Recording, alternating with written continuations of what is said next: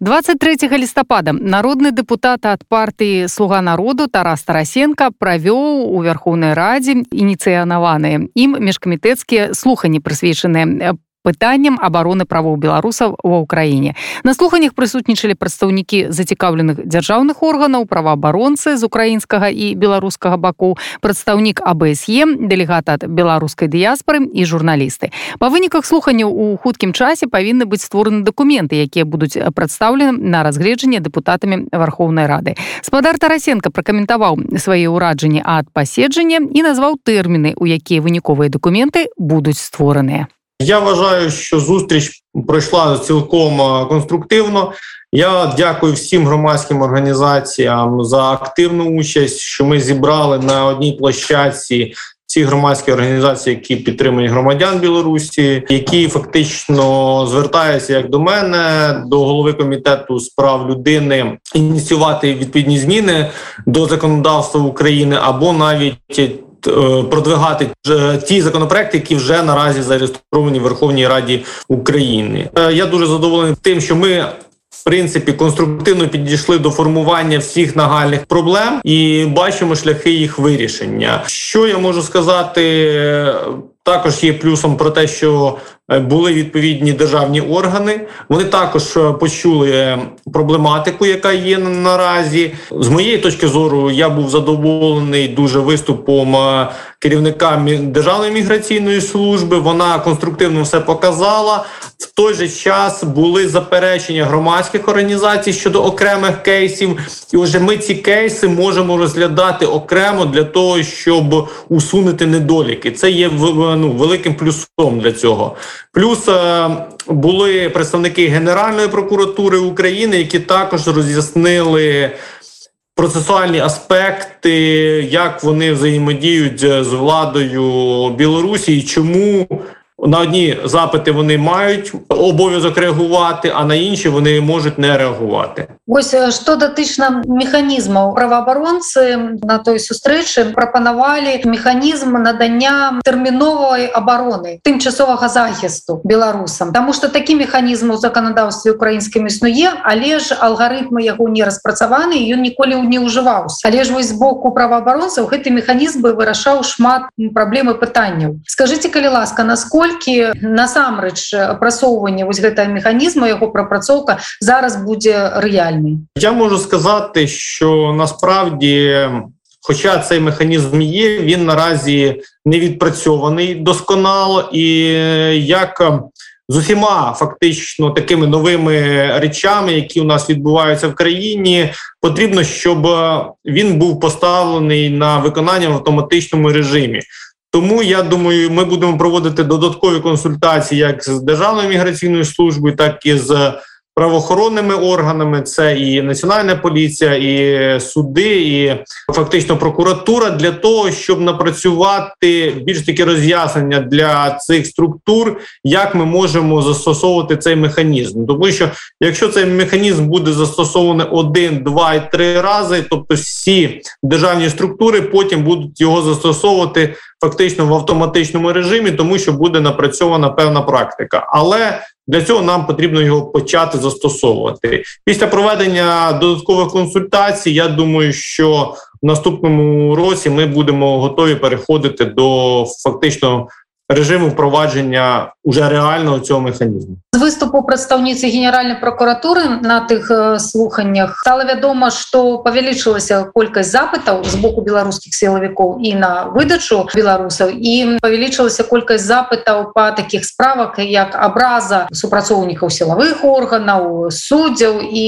і так далей і гэта відавочна что ўсё гэта падпарадковваецца под палітычныя справы генеральная прокуратура карыстаецца документ документами по документах гэта выглядае як злачынства і у іх няма подстав напрыклад адмовіць і вось тады прадстаўніца генеральной прокуратуры сказала что ўсё ж таки такая рэч як палітычная воля альбо нейкі там заканадаўшы акт кабінета міністраў ці верховной рады ўсё ж таки надаў бы паўнамоцтва генеральной прокуратуры дзейнічаць нейкім інакшым ну напрыклад адмаўляць скажите калі ласка что ў гэтым накірунку можа быть здзейснена дійсно можу підтвердити що з того що говорила представник генеральної прокуратури, то видно, що за минулі роки фактично звернення між силовими структурами були щодо шахрайських дій, можливих шахрайських дій.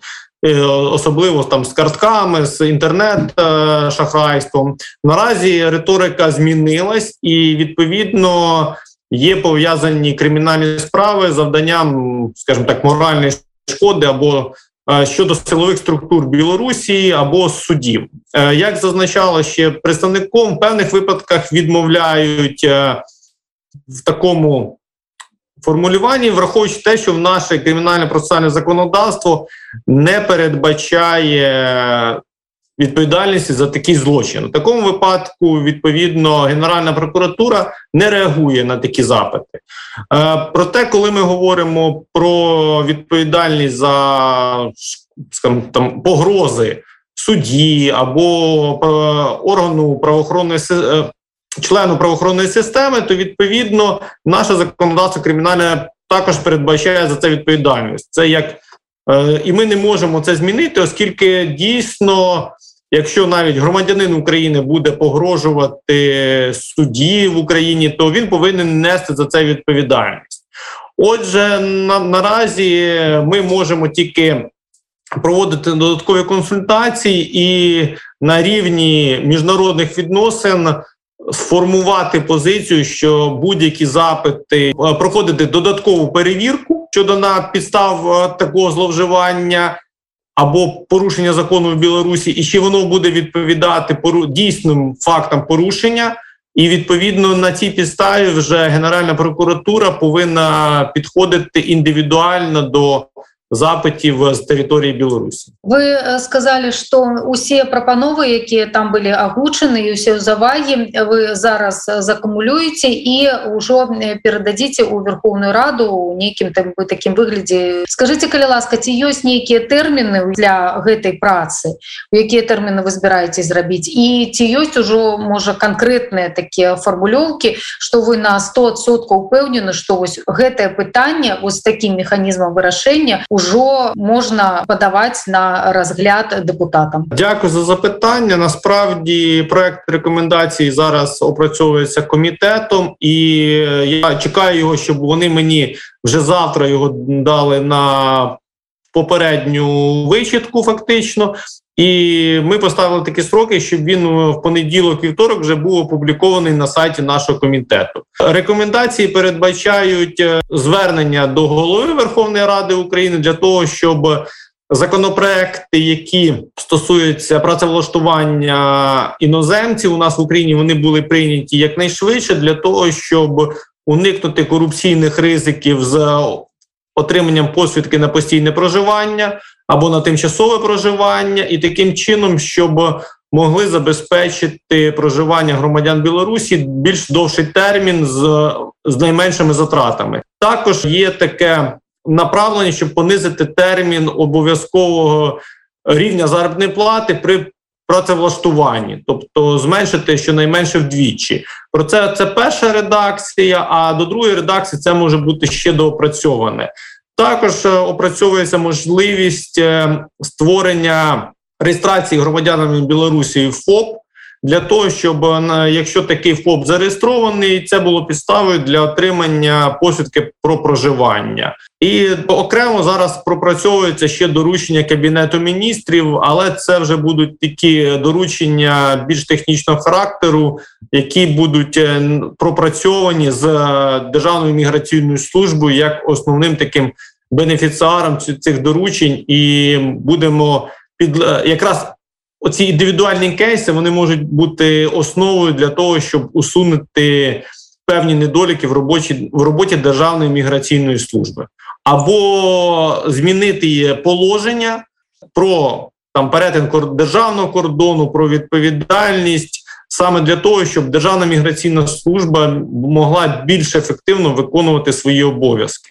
А ці ёсць нейкія такія прапановы і планы пра амністыю таму што гэтая прапанова так сама была агучана я маю на увазе пра амністыю для тых хто скасаваў тэрміны прыбывання ва ўкраіне і зараз знаходзіцца па-за законам на нелегальным становішчы тут Дві запытання про амністію потрібно додатково обговорювати, тому що все-таки моя позиція, що ми повинні виходити з питання тимчасового захисту, тобто питання. Амністії може застосовуватись тільки до осіб, які підлягають тимчасовому захисту, і якраз е, в такому поєднанні це буде логічно. Ми не можемо звільняти всіх від е, ну від такої відповідальності, але от поєднані досліджені цих фактів в сукупності це можливо.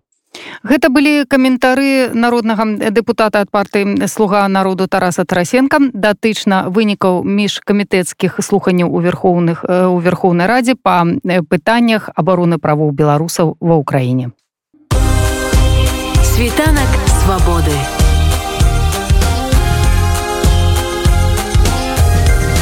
Світ вольнасці